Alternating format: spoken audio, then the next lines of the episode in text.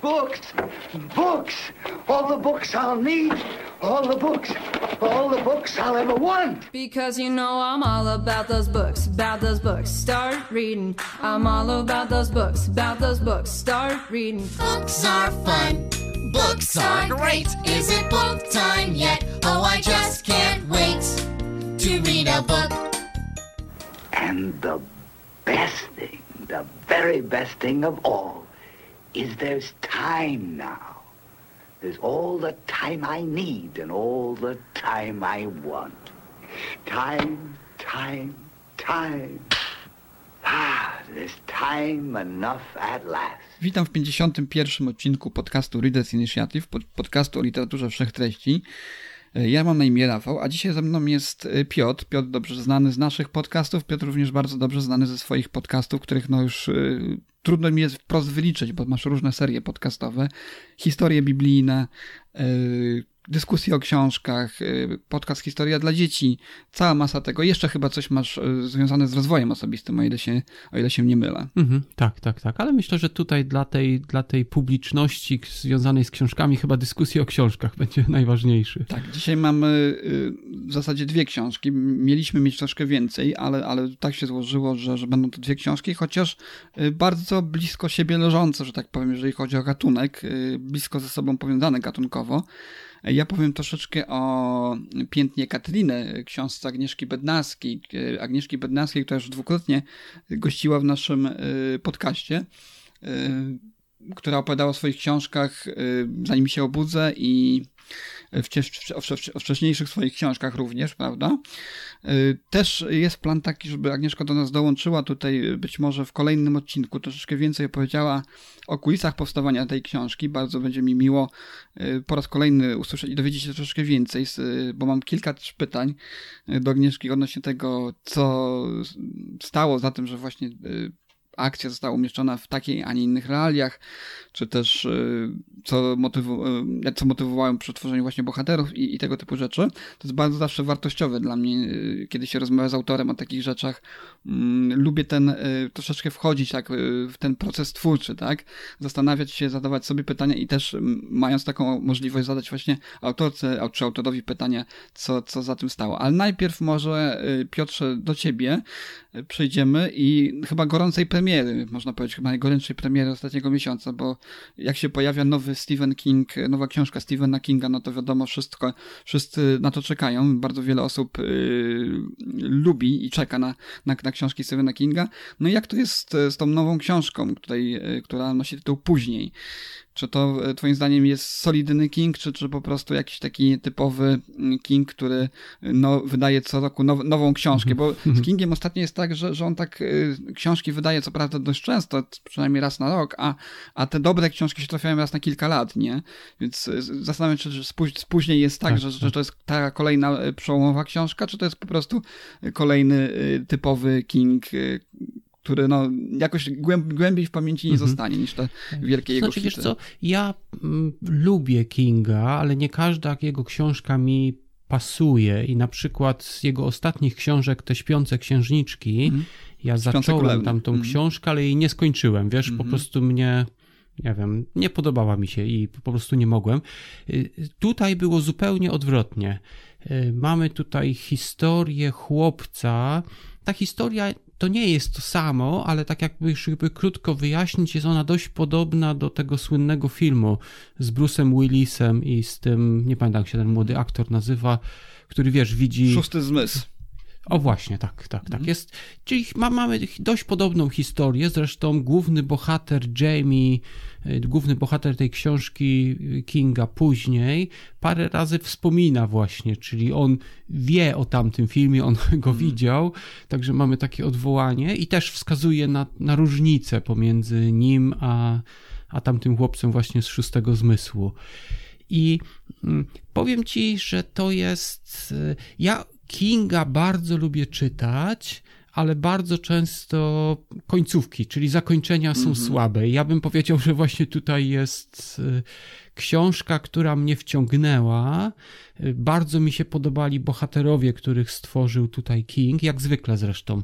King potrafi tak świetnych bohaterów stworzyć, że po prostu dla nich się czyta i to jest chyba jego mocna strona.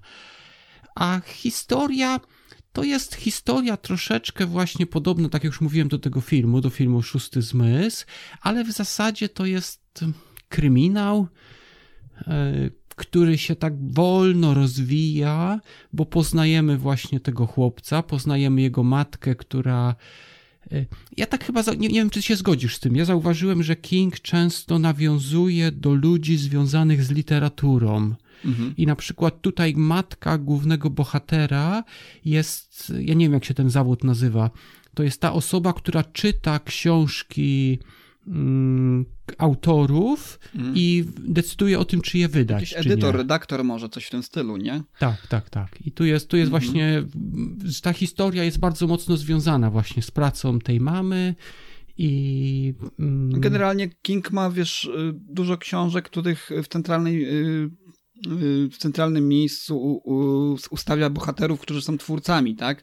Czy to malarze, czy to filmowcy, aktorzy, muzycy i też no, głównie pisarze. No, ten, ten motyw y, pisarza, motyw ludzi związanych z literaturą bardzo często się pojawia i, i, i dużo właśnie też tych, tych elementów y, takich y, no, biograficznych w to, w to wplata King, nie? Z, Zwłaszcza ten y, wątek z uzależnieniem od, od alkoholu, tak? To też bardzo często powraca u niego. Tak, tak, tak. Y, Książka, no mówię ci, historia jest dość prosta, zakończenie jest takie sobie, ale bardzo mi się dobrze czytało. Bardzo mi się dobrze czytało poznawanie tej historii. Y, To słowo później wielokrotnie się pojawia y, w tej historii. Wątek ten horrorowy jest taki. mm, King potrafi dozować, y, dozować te, te straszne rzeczy, i tak jest tutaj. Te. Mamy tutaj właśnie tą historię tych zmarłych, który widzi główny bohater Jamie. No i w którymś momencie dochodzi do poznania takiej osoby złej. I, I też chyba główny wątek horrorowy nawiązuje właśnie do tego, że tych takich normalnych zmarłych, to wiesz, on może po prostu zapytać o różne rzeczy, dowiedzieć się pewnych faktów, ale są też ci tacy źli zmarli, którzy mogą być niebezpieczni.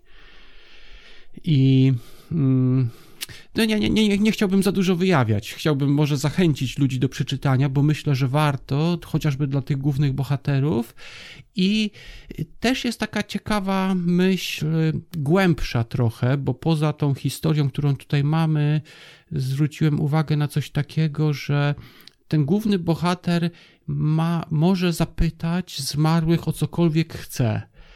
I teraz jest pytanie, które my sobie możemy zadać, my czytelnicy, czy my zawsze byśmy chcieli wiedzieć, y, co ci zmarli myśleli na przykład o nas, czy co wiedzieli, czy na, czy na pewno chcielibyśmy poznać wszystkie fakty, nie? Słuchaj, a może troszeczkę więcej o fabule samym, o samym, samym e, zalążku fabuły, o co, o co tu chodzi, bo, bo mówisz o bohaterze, o jakimś młodym chłopcu, prawda, który zdaje się, że widzi zmarłych, y, jakiejś edytorce, ale skąd, y, jak to wszystko się łączy ze sobą y, na dobrą sprawę? Tak bez spoilerów, bo też wiadomo, jest to w miarę nowa książka i wiele osób by chciało móc ją przeczytać. Mhm.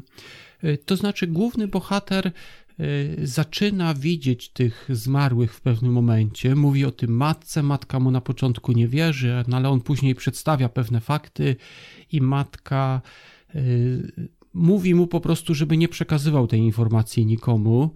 I w zasadzie y, duża część książki właśnie mówi o tym, że te, że dorośli mogliby chcieć wykorzystać jego umiejętności.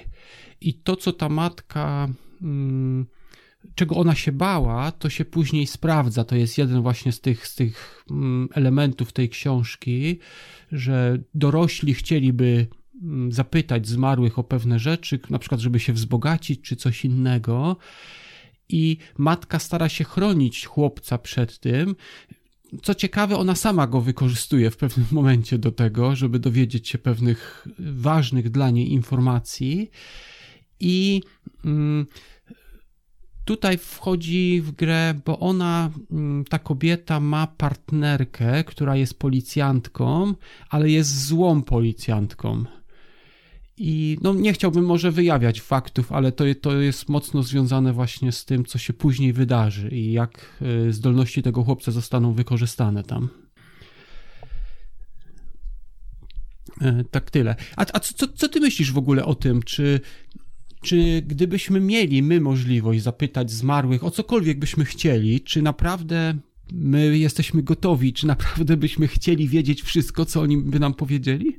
No, mogłoby być, wiesz, zależy od perspektywy, tak? Od, od perspektywy tego, yy, jaką relację mieliśmy z danym zmarłym i tego, jak on widzi przeszłość, tak? Czyli, wiesz, bo kwestia tego typu, bo my, ludzie żyjący, prawda, martwimy się bardzo o rzeczy doczesne, tak? Czyli o to, co, co mamy teraz, tu i teraz, nie myśląc za bardzo o przyszłości. Kiedy kończy się życie, no prawdopodobnie te wszystkie sprawy przestają mieć miejsce, jeżeli oczywiście wierzymy w jakiś taki duchowy świat wokół nas, prawda? Jeżeli poruszamy się w obrębie y, tej książki, tej, tych realiów, właśnie tych, tej fikcji y, stworzonej przez Stephena Kinga, czy też filmów Szósty Zmysł. No nie zawsze. Wiemy na przykład z Szóstego Zmysłu, że, że te postaci, które się objawiały temu młodemu chłopcu, one objawiały się mniej więcej w tej sytuacji, w której one yy, zmarły, tak? Czyli to były nawet drastyczne niektóre momenty, ktoś tam zadźgany, prawda, ktoś tam otruty, prawda, jakimś mhm. środkiem przeczyszczającym yy, rury, czy coś takiego.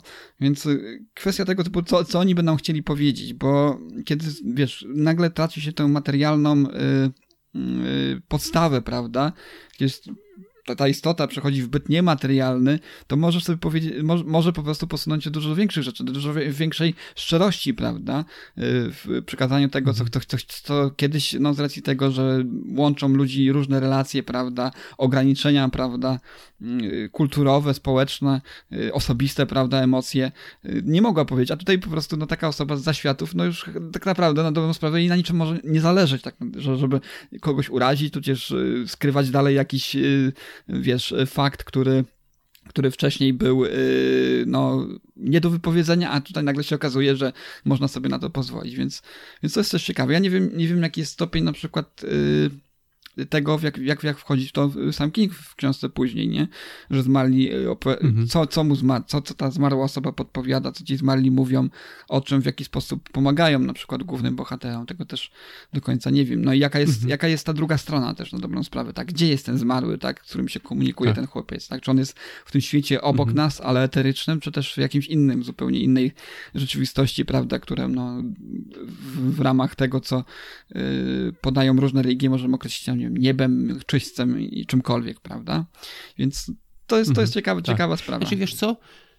jest tutaj, to jest akurat podobna rzecz do filmu właśnie Szósty Zmysł, że chłopiec widzi ich w takim stanie, jak oni wyglądali. I tam na przykład pierwszą osobę, którą on widzi martwą, to jest rowerzysta, któremu, już nie pamiętam co się stało, ale coś strasznego i on leży na ziemi przykryty, żeby nikt nie widział, jak okropna to była śmierć, ale ten chłopiec widzi tego mężczyznę, bo ten, ta jakby druga osoba stoi obok, właśnie przedstawiając e, ze wszystkimi detalami, jak ta osoba zmarła właśnie, nie? I, i tu, tutaj, bo to jest, wiesz, to jest dziecko i tam jest parokrotnie, są właśnie sceny, gdzie chłopiec wręcz wymiotuje, nie? Z powodu tego, co, co jest w stanie zobaczyć.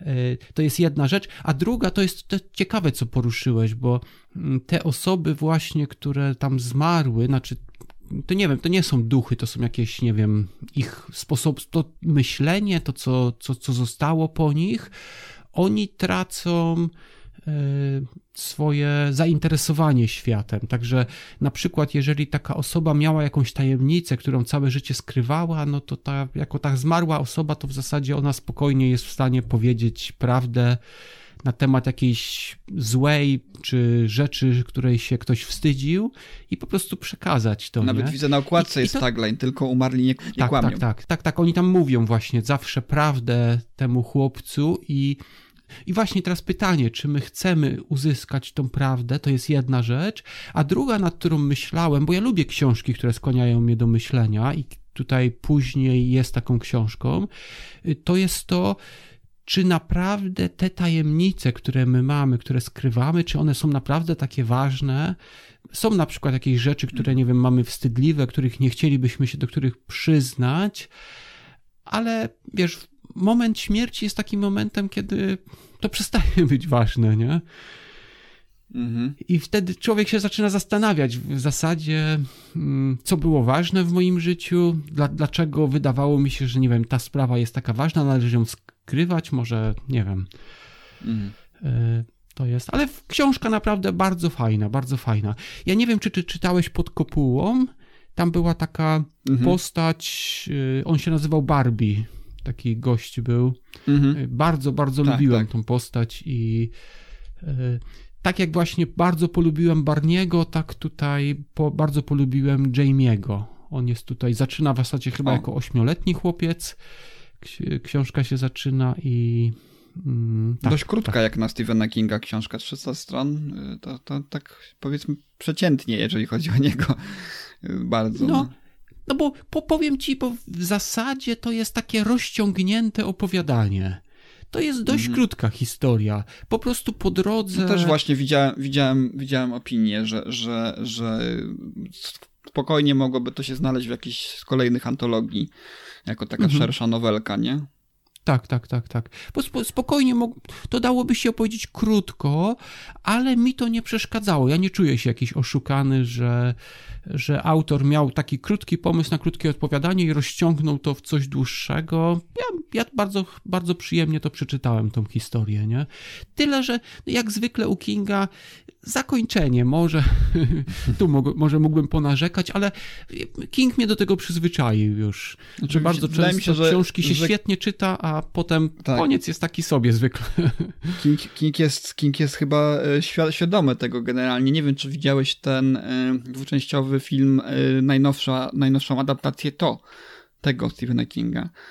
Nie, nie, Jedna nie. jest właśnie część taka, która się dzieje właśnie w przeszłości, w latach 80., i druga się dzieje już współcześnie. Kiedy te dzieci e, dorastają i, i, i no, różne drogi życiowe obierają, i właśnie jeden z tych e, bohaterów, e, William Denbrough, jest pisarzem i, jest taka fajna scena, w której cameo się pojawia Stephena Kinga, kiedy wchodzi właśnie do antykwariatu. Nie, nie, to nie jest antykwariat, to taki, taki sklep chyba komic, takie rzeczy używane i chce odkupić swój rower. Ten, ten y, mężczyzna już dorosły, a chce odkupić swój rower, który, który był jego rowerem w dzieciństwie. No i tam za ladą siedzi właśnie Stephen King, nie kto inny, zgra tego sprzedawcę i, i gdzieś tam leży też książka tego, tego Willa Denborough, bo, bo on jest pisarzem w tym, w tym e, filmie. I, o, I tak troszeczkę rozmawiają. King jest taki strasznie zgryźliwy, upierdliwy, no taki bardzo nieprzyjemny jest, e, jeżeli chodzi o, o, tą, e, o tą postać. I Will się pyta go, czy mu podpisać tę książkę. Mówi, nie, nie trzeba, mówi. Zakończenie jest kiepskie do niego. także, także no, mi- wydaje mi się, że to takie trochę sa, sama świadomość y, tego, tego że no, nie, nie do końca, y, może on lubi swoje zakończenia, ale wie przynajmniej, że jego czytelnicy nie za bardzo przepadają za, za tym, w jaki sposób skończył te swoje książki. Nie, większość z nich, bo niektóre są naprawdę dobre zakończenia. Tak, Y, tak, tak. Mocne, wzruszające, no ale niektóre troszeczkę takim wypuszczeniem pary, które się okazuje takim lekkim tylko gwiźnięciem po, po całym pompowaniu książki. Mhm.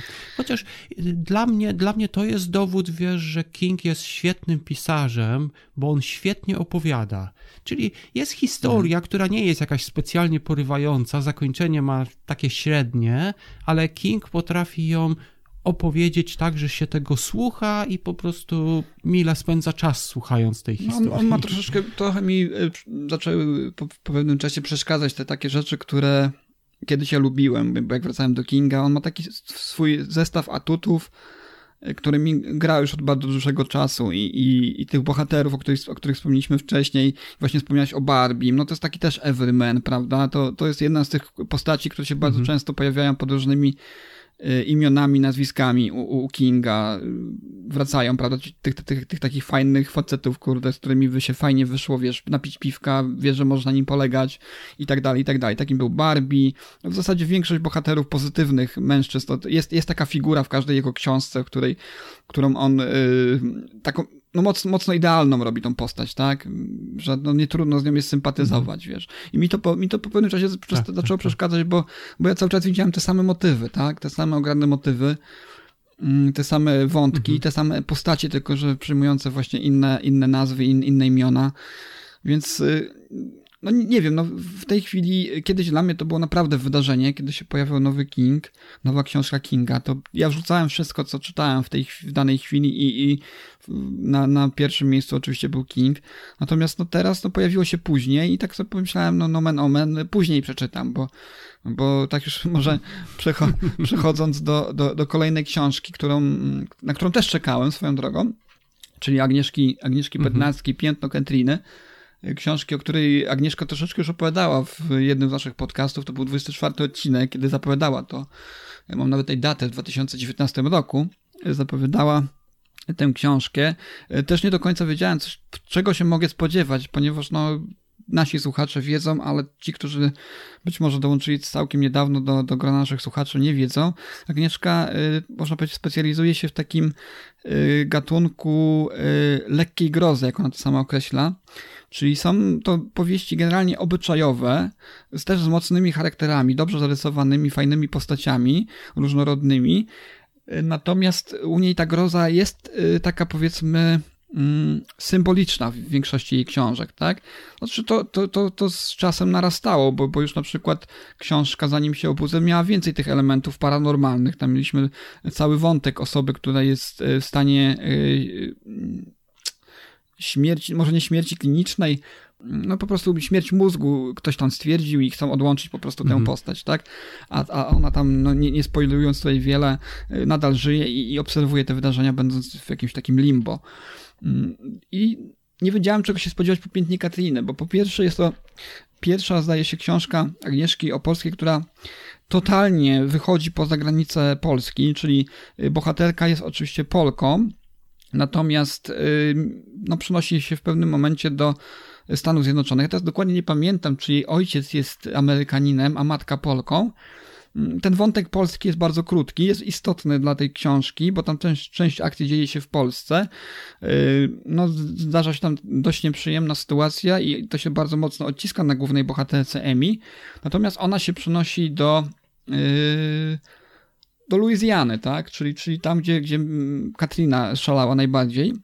Nie pamiętam teraz miejscowości. Nie jestem pewien, czy to jest miejscowość wymyślona przez Agnieszkę, czy po prostu jest to miejscowość prawdziwa. Mm, No i jest to krótko właśnie, chyba dwa lata, dwa lata zdaje się po... Miejscowość to Norco Valley, tak? Norkowali, tak, tak, tak. I nie wiem, czy to jest właśnie mm, prawdziwa miejscowość, którą można znaleźć na mapie i się do niej udać, czy też po prostu wymyślona, nie wiem. Musiałbym to zweryfikować. Natomiast ona się przenosi właśnie do tej miejscowości. Tam wciąż w tej e, takiej spo, społeczności e, pamięci e, mm, kolektywnej wciąż jest ta trauma, tak? Tego, co się wydarzyło, tych okropnych wydarzeń związanych właśnie z przejściem huraganu. Y, Bardzo wiele osób to dotknęło. Natomiast y, no, są też opisy, bardzo mocne opisy są. y, Jeżeli to Agnieszka wymyśliła, to naprawdę ogromny atut. Jeżeli nie, to, to naprawdę bardzo ładnie tutaj to przekazała. No, trafia, to do, trafia to do wyobraźni i w ten na- naprawdę taki bardzo nieprzyjemny sposób, y, niekomfortowy człowiek czuje, kiedy to czyta, ale jednocześnie jest to w jakimś stopniu przerażające, więc to swoją rolę w tej książce znakomicie spełnia. No i bohaterka Emi y, jest chyba psychoterapeutką. Ja nie wiem, czy ona ma stopień jakiś y, w tym, w tej dziedzinie, ale dołącza do właśnie grupy takiej prowadzonej przez niejakiego doktora Bakera, który jest psychologiem. No i drugim, drugą osobą, która tam jest w tej, w tej grupie jest Hubert, który jest znowu mężem Rebeki. Y, y, Kobiety, który, z którą ma dziecko, natomiast syn tej Rebeki z wcześniejszego małżeństwa, no nie wiem, czy to będzie spoiler mocny, ponieważ to już na samym początku się dzieje, ale popełnia samobójstwo. No i jest ta taka sieć relacji troszeczkę tutaj. Jest oczywiście niewyjaśniona tajemnica i masa innych tajemnic, które tutaj się skrywają. Natomiast jest też wątek paranormalny. I wspomniałeś właśnie o tym, że ten chłopiec, ten, ten yy, w, w powieści później widzi, widzi duchy. No więc tutaj mamy sytuację bardzo, bardzo podobną. Ja tutaj też widzę, yy, czuję mocne echa właśnie szóstego zmysłu, ale też, tak jak wspomniałem, w mojej, w mojej opinii na Lubimy Czytać, jest to też mocno kingowa książka. To jest naprawdę yy, to, co w Kingu widziałbym najlepsze do tej pory, to co ja lubię w Kingu, trochę, trochę głupio Mhm. mówić o powieści Agnieszki e, Bednarskiej, mówiąc jednocześnie, że to jest taka kingowa książka i mówiąc o tym, co, co najlepsze w Kingu, co, co jest ta, tak naprawdę częścią jej książki, prawda? To troszeczkę, trochę to może dziwnie brzmieć. Natomiast jeżeli ktoś jest fanem Stephena Kinga i, na i sięgnie po książkę e, Piętno Katriny, to wydaje mi się, że się poczuje to jak ryba w wodzie, ponieważ jest to książka naprawdę bardzo dobrze napisana i wszystkim tym stoi, co stoją najlepsze książki Kinga, czyli są emocje, prawda, fajni bohaterowie, wątek paranormalny, który naprawdę straszy, wątek realistyczny, który też straszy, prawda, bo, bo mamy właśnie różne opisy sytuacji, tak, Dr. Baker jest taki jeden bardzo fajny monolog, który tutaj z uwagi na to, że nie chcę psuć yy, czytelnikom yy, możliwości poznania tego osobiście, ale jest, dr Baker opisuje właśnie sytuację, kiedy ratowali ludzi, e, akcję ratunkową przeprowadzali ludzi e, w trakcie właśnie, krótko po huraganie, po, po przejściu huraganu I, i to jest naprawdę mocne. To tam, nie wiem, ten wątek grozy, który jest w tej książce, to on chyba mnie mniej przeraża niż te właśnie wątki realistyczne. Ja bardzo, bardzo lubię mhm. właśnie ten wątek realistyczny. To, w jaki sposób Agnieszka opisuje, tutaj naprawdę widać ogromny research w tej książce.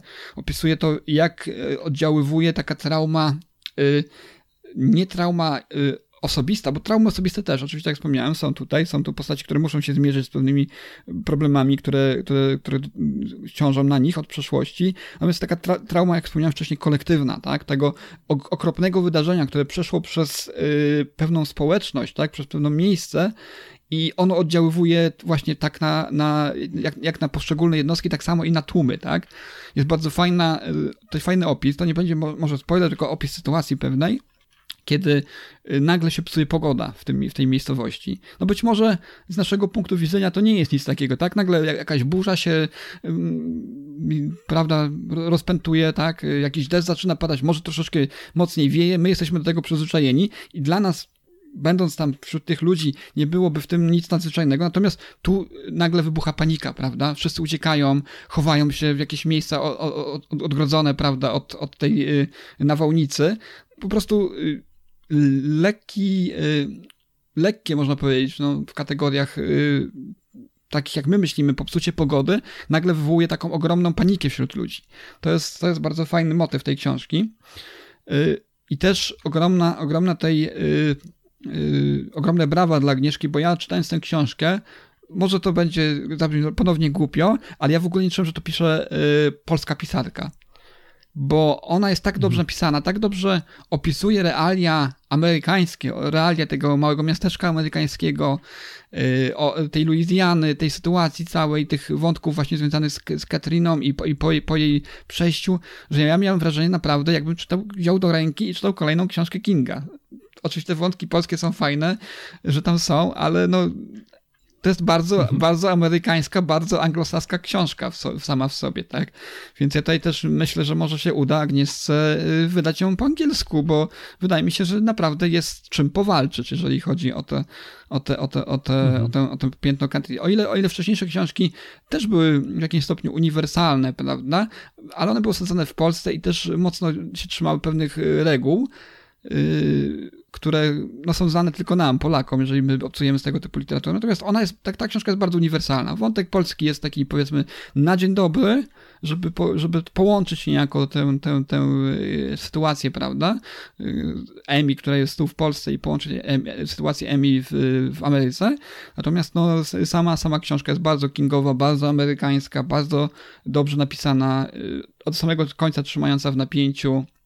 Są twisty oczywiście też, bo to nie tylko chodzi o duchy, nie tylko horror, ale też jest Mhm. Tak. thriller- thriller. Czasami, tak jak porównujesz tutaj do Kinga, nie, nie wiem, czy to masz na myśli, czasami u Kinga masz horror, są tam jakieś złe postacie, ale czasami okazuje się, że tym, tą najgorszą postacią nie jest wcale, nie wiem, ten martwy czy potwór, tylko żywy człowiek, nie? Który y, czasami może być gorszy nawet, nie? Czy nawet bardziej niebezpieczny, czy Tak, stwarzać większe zagrożenie, większy No bo strach. je, niż... jest, jest, to, jest to z całą pewnością, skoro już y, porównałem do Kinga tę, tę, tę książkę, to z pewnością jest to też horror o silnym podłożu psychologicznym.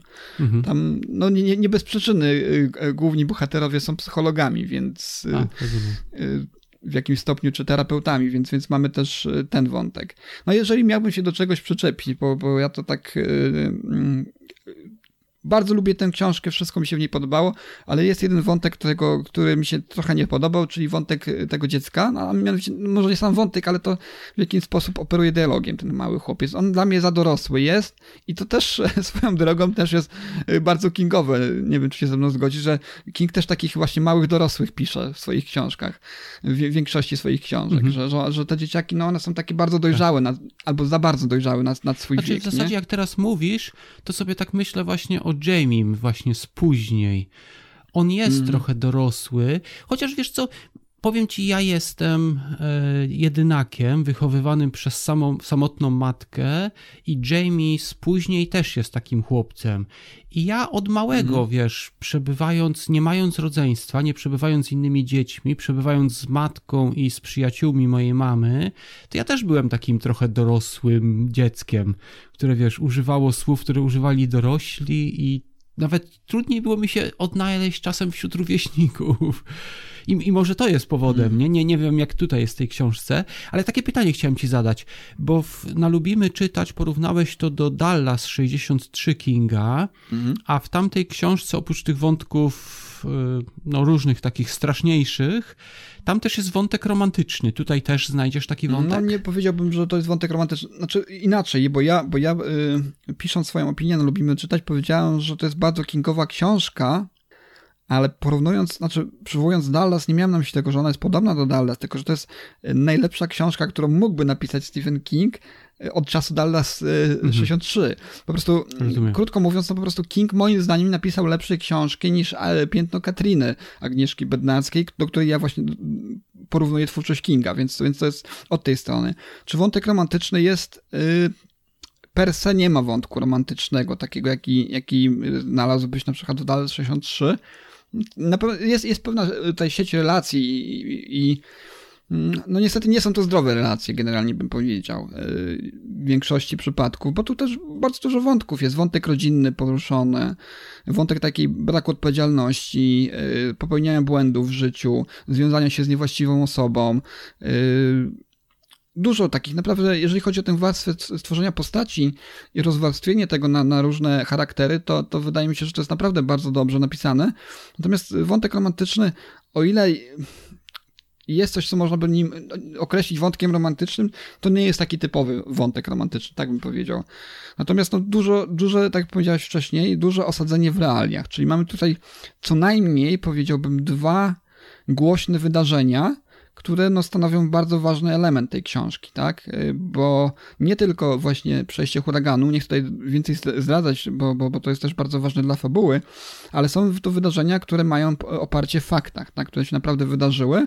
I tutaj też stanowią y, mhm. jakiś powiedzmy filar, stanowią filary w zasadzie do opowiedzenia historii, tak? Więc jest to y, bardzo taka, powiedziałbym, wielowarstwowa powieść, jeżeli się tak głębiej wchodzi właśnie w tę treść. Y, który, i to, co chciała to Agnieszka Bednarska przekazać. Natomiast y, no jest też dużo tego właśnie straszenia tym re, realizmem, tak? Tym, tymi ludźmi. Y, zresztą samo motto, które pojawia się na pierwszej książce już niejako powinno zasugerować, że będziemy mieli, że psychopaci są, psychopaci są wśród nas, prawda? Więc to też jest bardzo ważny element. No, jest dużo. Jest wątki thrillera, prawda? Czyli, czyli, czyli takie, takie typowe wątki horroru.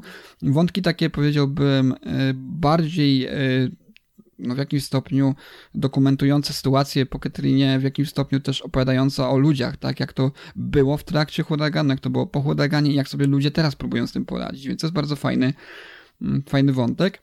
Nie wiem, czy wspomniałem na samym początku, bo pewnie przed nagraniem o tym mówiliśmy, ale to jest też początek y, serii. Są już, zdaje się, dwie książki napisane kompletne.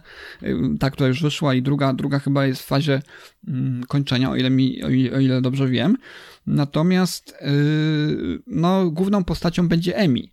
Emi to jest ta postać właśnie, Emi to nie jest jej, jej, jej prawdziwe imię, teraz nie pamiętam jak ona ma na imię, ale ona woli, żeby, żeby mówiono na nią Emi.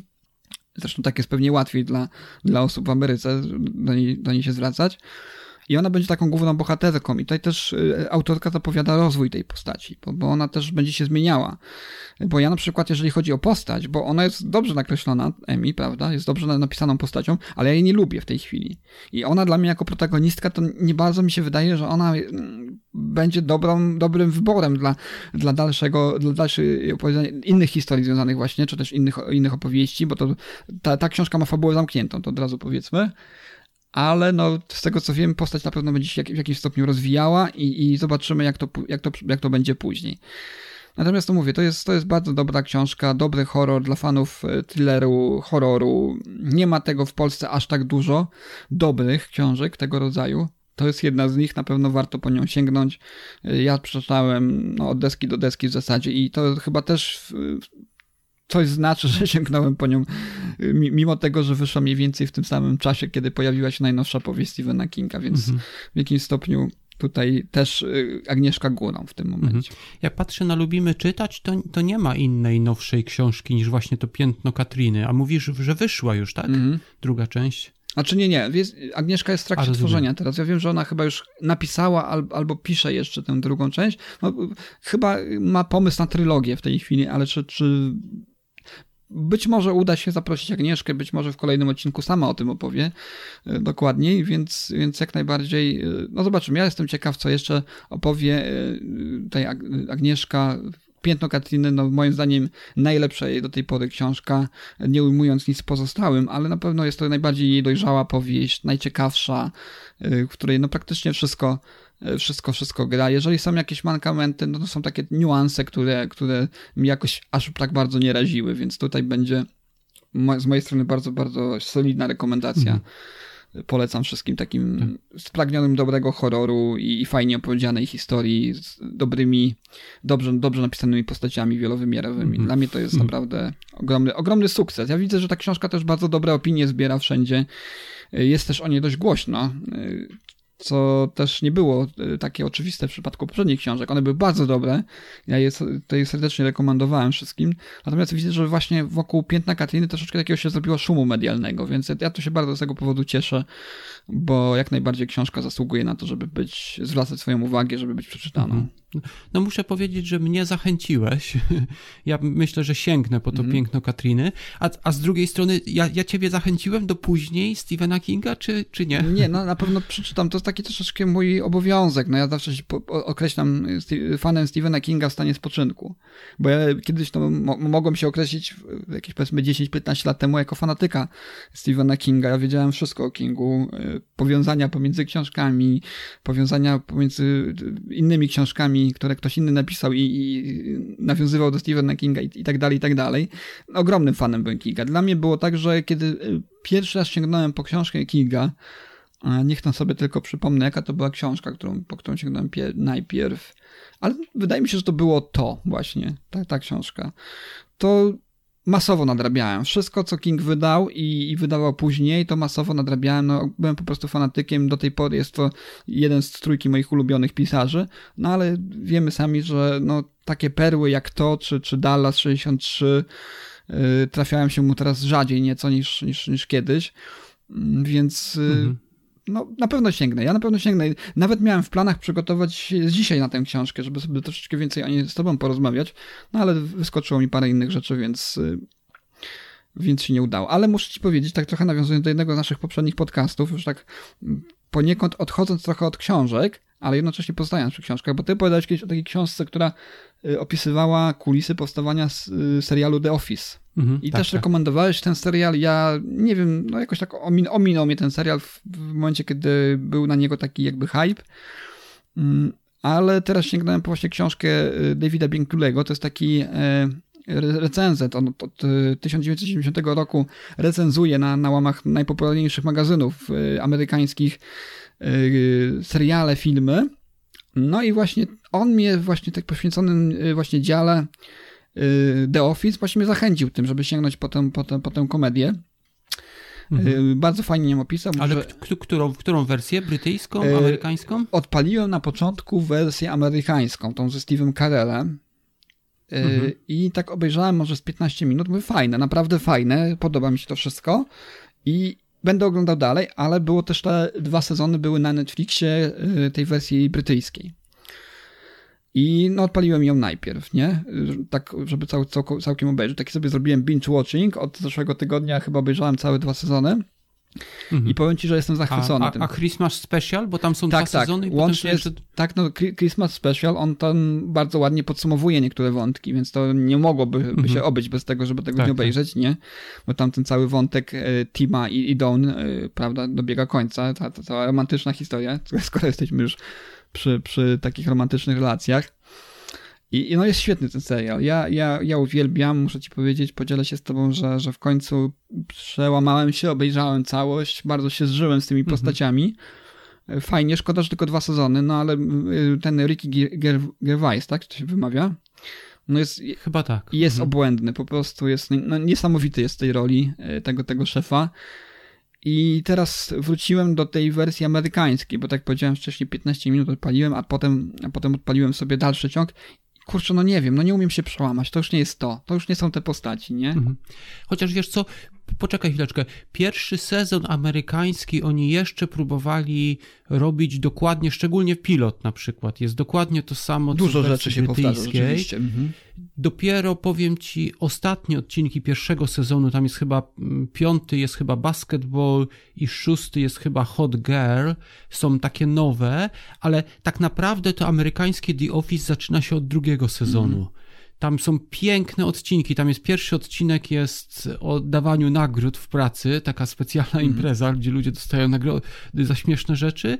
I drugi odcinek jest chyba o tym, że jedna z postaci okazuje się gejem i Michael, ten główny szef, tam się dowiaduje o tym. I powiem ci, no to, to, to tam się dopiero ten zaczyna ten amerykański The Office. On jest inny.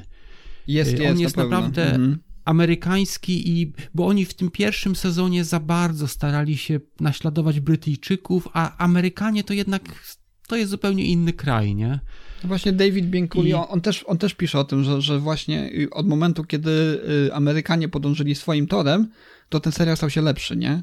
Bo pierwszy jest taki odtwórczy. Tam, tam są, wiesz, ja, ja będąc na świeżo po pierwszym e, odcinku y, tego amerykańskiego i będąc na świeżo po właśnie tym y, z- z binge- z binge-watchowaniu całego, y, całego Amery- e, e, tego brytyjskiego, mam w pamięci świeżo i widzę, co jest zmienione, nie? Tam na przykład w pierwszym odcinku są takie niuanse, że, że, że dużo, dużo rzeczy zmienionych, takich drobnych, na przykład jak, y, jak ten odpowiednik amerykański Tima się odgradza, prawda? To robi taką palisadę Tak, z ołówków, nie? A, a, a Tim robił taką y, z papierów, nie? Zrobił stertę, taki mur zrobił pomiędzy biurkiem właśnie tego, tego y, Gawina, tak? Czy, czy, jak on, czy Gareta, Gareta. Więc, Mhm, więc mhm. są, są takie niuanse. One są celowo, wydaje mi się, wprowadzone przez twórców, żeby całkowicie, kompletnie nie podążać tym torem. Natomiast na tę chwilę, jeżeli chodzi o, o to takie by, bycie naturszczykiem przed kamerą, bo ja wiem, że to też są aktorzy oczywiście, y, czy, czy, czy to wydaje mi się, że brytyjska wersja wypada lepiej. Na tę chwilę. Ja nie wiem, jak to się rozwinie Mhm. później w amerykańskiej. Tak, tak, ale mówię ci, to, to jest pilot i y, powiem ci, ten, ta amerykańska wersja, bo już drugi odcinek, Diversity Day, tam jest na przykład poruszona kwestia rasizmu i y, bo główny bohater, on jeszcze w tym pierwszym sezonie, on próbuje naśladować właśnie Rickiego Gervaisa, c- bo Ricky Gervais, on jest, on jest taką postacią dość wulgarną, zresztą w ogóle. Y, brytyjska, brytyjski serial jest dość wulgarny, tam jest sporo naprawdę brzydkich słów, amerykański jest, y, nie ma tego, jest zupełnie inny pod A to nie, nie uważasz może, że to, że to troszeczkę ten serial troszeczkę zubaża, bo, bo wydaje mi się, że te, wiesz, on, ten brytyjski jest wulgarny, ale to ma, to ma swoje uzasadnienie, nie? To, to ma coś pokazać Znaczy, w tym serialu. Powiem ci, Brytyjczycy są wulgarni i, Mhm. i to ma sens, nie? że ten brytyjski jest taki wulgarny, ale w, powiem ci, y, na przykład w amerykańskim y, Jim robi Dwightowi, bo to są te dwie postacie tam, robi różne kawały i one są śmieszne i naprawdę fajne są. No oni z tego A- zrezygnowali w brytyjskiej wersji. Nadal y, Ale robią ci, w brytyjskiej wersji też masz te kawały, tylko Tak, te tak. kawały polegają na tym, że y, ten dzwoni do, do tego drugiego i po prostu mówi mu brzydkie słowo przez telefon i, i to ma być śmieszne, Albo, wiesz? ba, albo bawią ci, się, bawią się z tą, taki... z tą Dawn się bawią takie niski. dwu, dwuznaczne pytania do niego, nie? Że on, y, ten Gareth Mhm. odpowiada, nie wie, nie wie, że tak na dobrą sprawę to jest podszyte innym kontekstem zupełnie, tak? I, Ale i z tak, tego mają największy ubaw, nie? w, te, w tej amerykańskiej wersji, powiem ci, drugi odcinek jest już lepszy. W drugim odcinku tam się w ogóle pojawia, y, bo oni zatrudnili scenarzystów. Jednym ze scenarzystów, y, pa, pamiętasz, w, pilocie jest taka nowa postać, która się pojawia, taki chłopak nowy, który zostaje tam zatrudniony. To jest scenarzysta. Mhm. I to jest BJ Nowak, tak. Gra, gra tą postać. On jest scenarzystą i w drugim odcinku pojawia się też y, taka hinduska aktorka Mindy Kaling. Ona też jest scenarzystką. I oni to tak rozwiązali w tym The Office amerykańskim, że ci scenarzyści, oni mają swoje biuro jakby z tyłu i dzięki temu oni nie muszą być cały czas w serialu. To są takie postacie, które pojawiają się tam od czasu do czasu i one wstawiają są. I w drugim odcinku właśnie Diversity Day pojawia się właśnie Mindy Kaling, ta hinduska, jako właśnie ta postać, którą Michael obraża.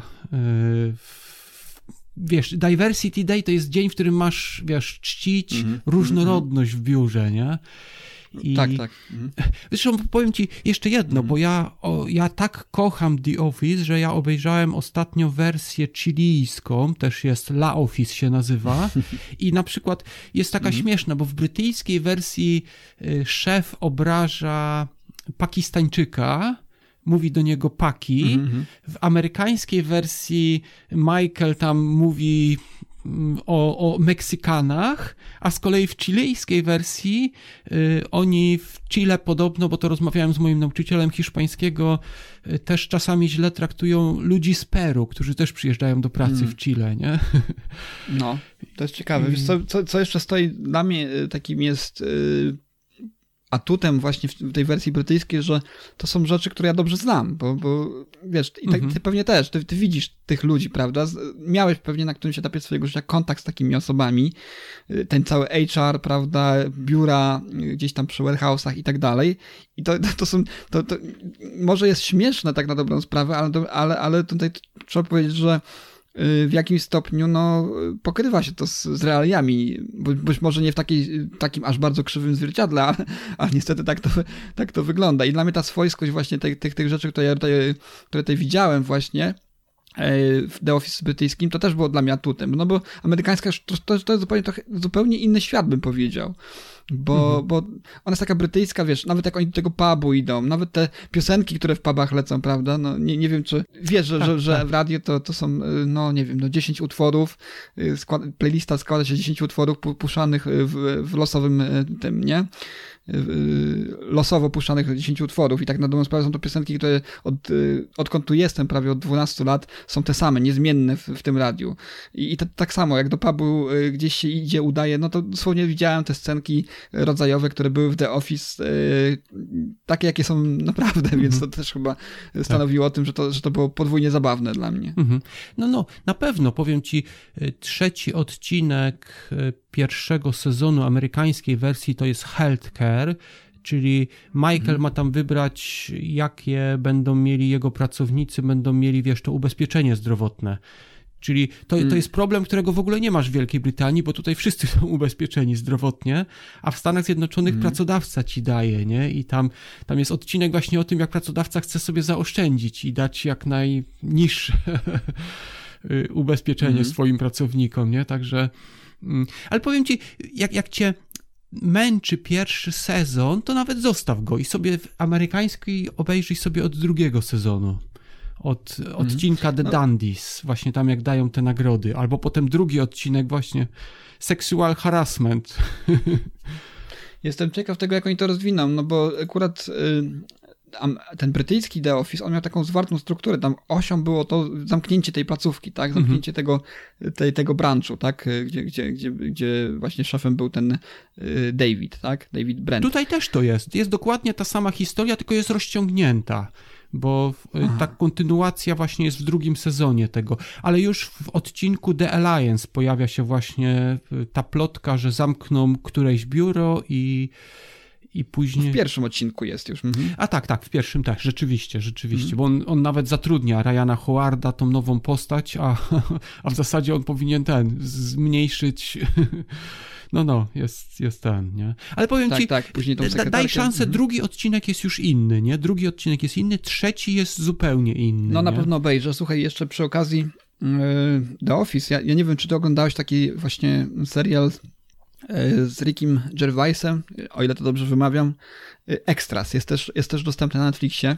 Wydaje mi się, że on powstał albo po Office, albo przed Office, nie wiem. Wydaje mi się młodszy w tym w ogóle, ten, ten, ten aktor, ten komik.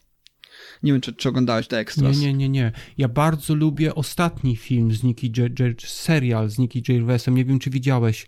To jest o mężczyźnie, któremu zmarła żona i który myśli o samobójstwie. Jest, tak, było coś takiego, tak, tak. Jest, Ale tego jeszcze nie widziałem. Ci, bardzo długo nie chciałem obejrzeć, bo mówię, co ja będę oglądał film o gościu, który, wiesz, ma depresję i chce mm -hmm. popełnić samobójstwo, ale film jest genialny, no, to znaczy serial A to na to Netflixie jest. też jest? E, wiesz co, nie pamiętam, nie pamiętam. No, ja uwielbiam w ogóle Nikiego Gervaisa na przykład jeszcze y, wynalazek kłamstwa, Invention mm -hmm. of Lie. Nie wiem, tak, czy tak, jest tak. tytuł polski. A tam taki stonowany jest, wiesz, ale tu wydaje mi się, że w The Office on pokazuje no, całe spektrum możliwości. To takie niuanse w ogóle, wiesz, mm -hmm to, co on robi z twarzą, z, oczyma, co robi w trakcie, bo to jest taki mok dokumentary, nie? I on bardzo często tak, tak zerka w kamerę, on nie jest pewien, co on powiedział, czy, czy czegoś nie zrobił, wiesz, czy, czy nie popełnił, nie przekroczył jakiejś linii, a mimo, mimo tego ją przekracza, wiesz. To widać wszystko w takich niuansach właśnie gry aktorskiej. Natomiast Extras wiesz, jest, jest o tym, że y, on się wciela w takiego statystę, który jest na planach różnych filmów. Mhm. Y, po pierwszym odcinku i tam się też pojawiają celebryci, nie? I w pierwszym odcinku y, w reżysera wciela się Ben Styler, znasz tego aktora chyba z komedii różnych i on gra mhm. samego siebie tam, Ben Styler i kręci film o jakimś konflikcie, taki dramat na Bałkanach niby się dzieje, nie? Kręci film o, o konflikcie na Bałkanach.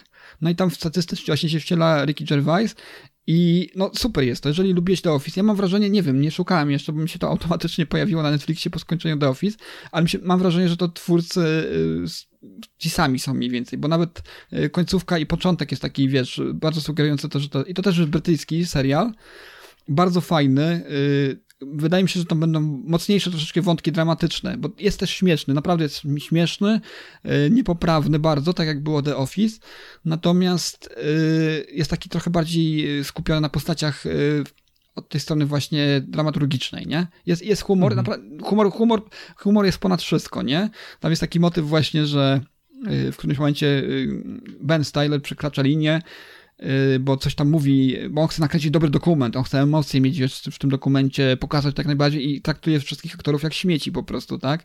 Y, no i Liki coś tam mu odpowiada niefajnego, no on go wywala z planu. A ten mówi, że tak na dobrą sprawę Ben Stiller jest za niego nikim. A Ben Stiller mówi, jak to jestem nikim? Przecież to ja całowałem się z Cameron Diaz, z Drew Barrymore, nie? Mówi do niego, a Ricky do niego, tak, ale w filmie, ale się liczy i tak, i tak się liczy. I, to, i to jest właśnie taki humor, wiesz, typowo, y, który był w The Office. Tylko, że to już nie jest mog, dokumentary, tylko to taki, taki serial właśnie mhm. o, o, o, kulisach kręcenia różnego rodzaju filmów, nie? I, I, każdy odcinek jest zatytułowany jakimś y, takim imieniem i nazwiskiem celebryty, także wydaje mi się, że w tych, w tych reżyserów, tych twórców będą się wcielać takie znane postaci właśnie z kina, z telewizji. Także polecam The Extras i, i to polecam e, zapoznać się w miarę szybko, bo podobno ten serial znika 30 marca z Netflixa, więc mm -hmm. jeżeli, jeżeli, jeżeli masz ochotę na coś dobrego i w stylu właśnie The Office y, z, z, tym, z tym samym aktorem, to to jak najbardziej polecam. Mm -hmm. a, a, a ty oglądałeś ten, ten film właśnie, Wynalazek Kłamstwa? Tak, tak, on jest taki bardziej poprawny tam. Tak, tak, tak. Znaczy on jest taki, taką spokojną postacią, która i w zasadzie bardzo podobną postać on gra właśnie w, nie wiem, jaki jest polski tytuł Afterlife, czyli ten serial, gdzie mm, mąż opłakuje nam, czy jest w depresji po śmierci swojej żony, nie? Mm -hmm. No wiesz, to jest y, bardzo lubiany i popularny komik, nie? Ja po prostu nie wiem, no jakoś do tej pory do niego nie przekonałem. Mm. E, wydaje mi się, że nie widziałem pełni jego możliwości, bo ten, ten film, o którym mówisz, e, było sobie kłamstwo, to chyba było w polskim, e, w polskiej wersji, to no okej, dobra, no fajna postać, fajny aktor, ale no nie pokazuje na pewno tego, co, co, co zaprezentował w The Office, nie? To naprawdę jest mistrzostwo świata. Tak, tak, to jest I naprawdę Steve'owi. Carellowi Mhm. jest trudno, trudno mi jest po prostu, kiedy patrzę na Steve'a Carella, trudno mi jest zastąpić sobie go w głowie, tak? Chociaż oni grają inne postaci, bo ina, inaczej się nazywają w ogóle, nie? W tym, Mhm, mhm. w tym, tym, Znaczy w ogóle w amerykańskiej e, wersji. ten e, Ricky Gervais pojawia się w The Office amerykańskim też, wiesz? No wiem, wiem, On widziałem ma swoje cameo. W, Mhm. książ, w książce pisze o tym też y, Bianculi, ale no, ciekawy jestem, w, jak, w jakiej formie się pojawi, czy jako on, czyli, czyli David Brent się pojawia w The Office Tak, tak, tak. amerykańskim? A, no super, no to na takie, na takie, na takie cameo właśnie liczyłem. Mhm. No. Jest, jest, jest ten. Ale mówię, polecam ci, jakbyś chciał Afterlife. Jeżeli bardzo podobało ci się The Office brytyjskie, bo jest brytyjskie, to Afterlife jest bardzo brytyjskie. Główny bohater, właśnie, który rozpacza po śmierci swojej żony, on jest dziennikarzem takiej lokalnej gazetki. Nie wiem, pewnie wrzucają ci, jak jesteś tutaj w Anglii, wrzucają ci taką miejscową gazetkę za darmo, Tak. jakąś przez skrzynkę. Mhm. To jest coś takiego właśnie, taka gazetka, którą prawdopodobnie nikt nie czyta tych artykułów, wiesz, i pisze, i oni tam na przykład chodzą i spotykają się z różnymi ludźmi, którzy, nie wiem, nie wiem, wyrosła im duża cebula w, kształ- w jakimś dziwnym kształcie i tego typu informacje pojawiają się w gazecie, nie? Jest bardzo brytyjskie, nie? I, I powiem ci, mimo głównego tematu, który jest strasznie smutny, w tym filmie jest mnóstwo humoru i i to tylko on potrafi to przedstawić, wiesz? Że film jest momentami tak smutny, że się aż śmiejesz, wiesz? Że... Nie, on, z całą pewnością jest naprawdę bardzo dobrym aktorem, tak? Tutaj, tutaj naprawdę pokazuje wiele. W, w ogóle fa, fajną ma końcówkę ta postać. Też mi się podoba to w ogóle, co się z nim dzieje na koniec. Mhm. E, e, mi, się- mi się wydaje, że dostaje trochę to, na co zasłużył od, od, od, od życia. Natomiast e, podoba mi się też, e, że jednak nie do końca jest tak, że, że, że tylko złe rzeczy mu się już później przy, przydarzają, tak? Mm, Fajny jest ten motyw właśnie z tą otwierający bardzo fajną furtkę i tak pozostawiający właśnie widza z tym, że no może, może wreszcie coś, coś mu się ułoży w życiu, tak? Więc, więc to jest też bardzo fajne. W ogóle ten Christmas Special to jest y, super, no to jest chyba najlepszy odcinek, ten, bo to taki dwuczęściowy, długi, długi jest, nie? Bo po 40 minut trwa każdy odcinek. E, No, najlepszy moim zdaniem jest bardzo fajnie, tej rozbudowuje też niektóre postaci, pokazuje, że to tak na dobrą sprawę droga, którą przeszły przez te całe, wiesz, e, perypetie, które były właśnie w serialu, e, do czegoś to wszystko prowadziło. No, naprawdę super. Naprawdę dla mnie dwa, dwa sezony, kompletny serial, bardzo fajnie przemyślany, wszystko, no zagrane perfekcyjnie. Mhm. Tak, tak. Mis- Mistrzostwo. Cieszę się, że w końcu po niego sięgnąłem. Y, W ogóle jestem na etapie nadrabiania bardzo wielu seriali, dzięki właśnie tej książce, o której więcej myślę, że powiem w najnowszym odcinku Strefa Mroku podcast. Tam będziemy z Jackiem rozmawiali. To jest y, platynowa era telewizji y, właśnie Davida Bianculego, który pisze właśnie o różnych, różnych serialach, od zarania właśnie telewizji po właśnie czasy współczesne. I też jestem właśnie na, na, na, na, etapie nadrabiania bardzo wielu fajnych seriali. Yy, Właśnie między innymi medycz, medycznego serialu, mało znanego raczej w Polsce, czyli Saint, Saint Elsewhere, czy też yy, New York PD Blue. Kryminalny serial, bardzo też fajny, że ktoś lubi właśnie seriale typu The Wire, czy, czy też yy, Breaking no, Bad. The To- to- Wire jest wspaniałym serialem. No, to, to jest, jest właśnie- genialny serial. no to właśnie New York PD Blue jest y, serialem, który tak na dobrą sprawę postawił fundament, jeżeli chodzi o historię telewizji, postawił fundament właśnie pod seriale takie jak The Wire. Świetny serial. W Polsce on był bardzo dobrze znany, ten akurat New York PD Blue, bo był wyświetlany pod tytułem Nowojorscy Gliniarze. Jeżeli ktoś w A latach... ty widziałeś The, widziałeś The Wire? Tak, tak, ja widziałem The Wire. Właśnie od dłuższego czasu brakowało mi The takiego... Wire, powiem ci, było fajne to, że oni się nie zatrzymali na policji, że kolejne sezony na przykład skupiają Mm. się na edukacji, Tak. na polityce i ta, tam jest du, dużo innych wątków. Ja lubię w ogóle nie? ten, e, chyba to był drugi sezon? Ten wątek No w drugim pol- sezonie polski. są Polacy, nie? Tak, polski wątek. Tam jest polska mafia w drugim, w drugim sezonie. Tak. tak, tak. tak. No i właśnie szukałem czegoś, Mhm. co by mi właśnie wypełniło taką, bo nie, nie chce mi się za bardzo oglądać po raz kolejny The Wire, chyba już trzeci czy czwarty i szukałem czegoś fajnego i właśnie tutaj mi David Bianculi w tej swojej książce podpowiedział e, New York PD Blue i to jest właśnie tego typu serial. tego typu serial, że to jest też taki mocno kryminalny, ale też bardzo taki dramat y, psychologiczny troszeczkę y, szerzej sięgający niż, niż ten, niż y, tylko, wiesz, zwykłe rozwiązywanie jakiegoś morderstwa tygodnia, nie?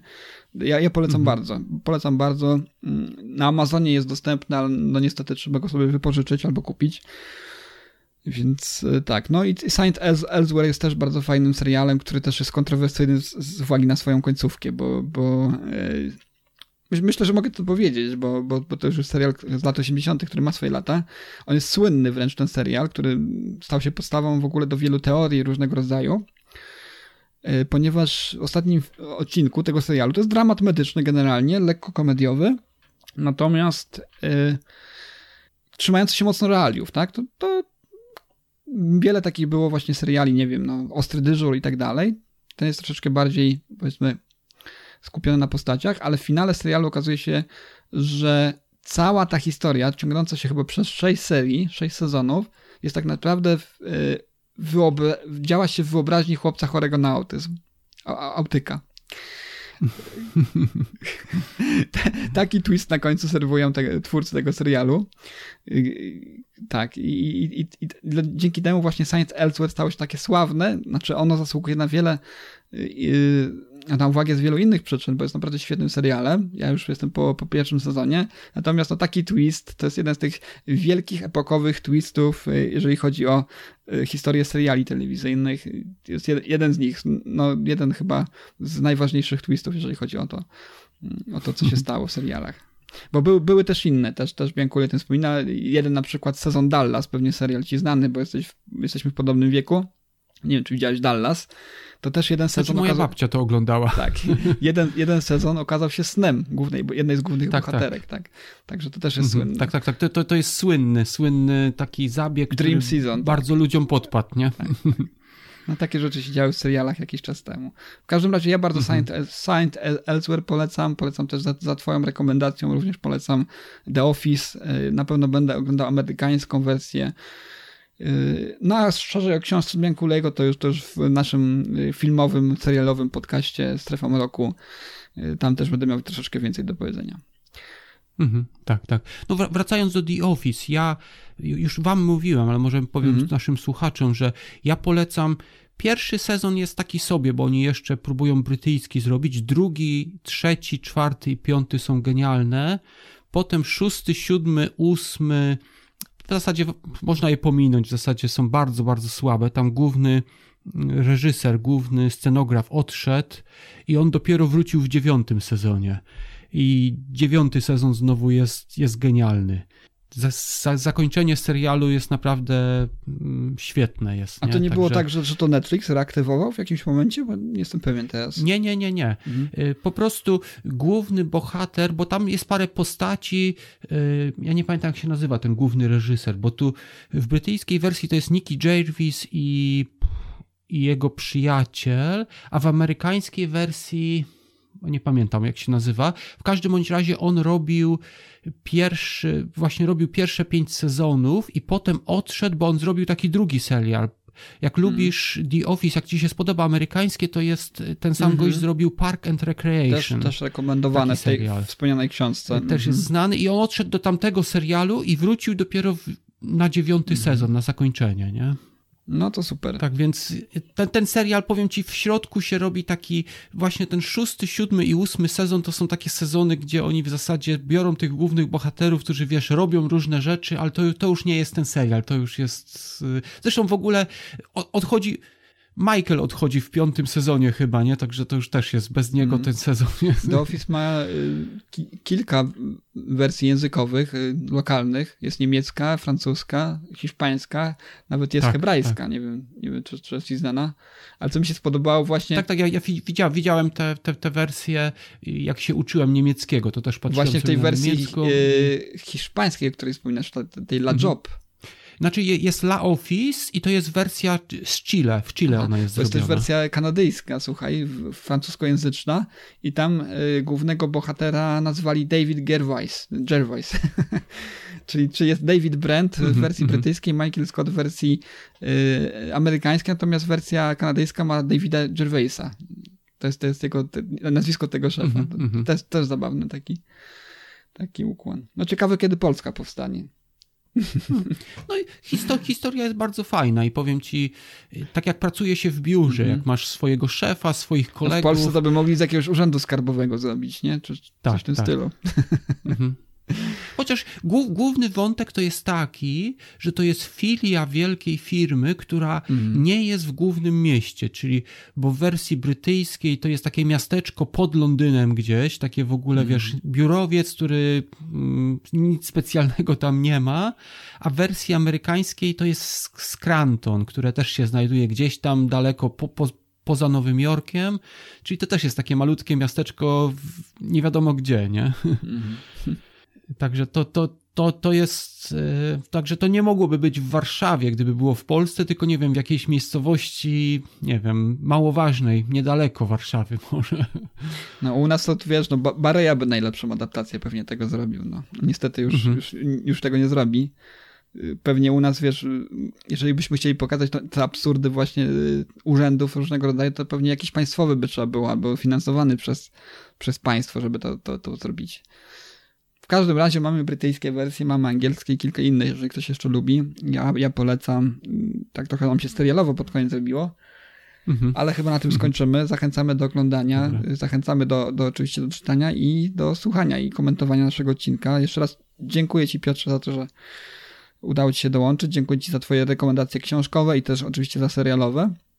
Yy, I do usłyszenia. Do usłyszenia w kolejnym odcinku Readers Initiative. Również dziękuję i do usłyszenia.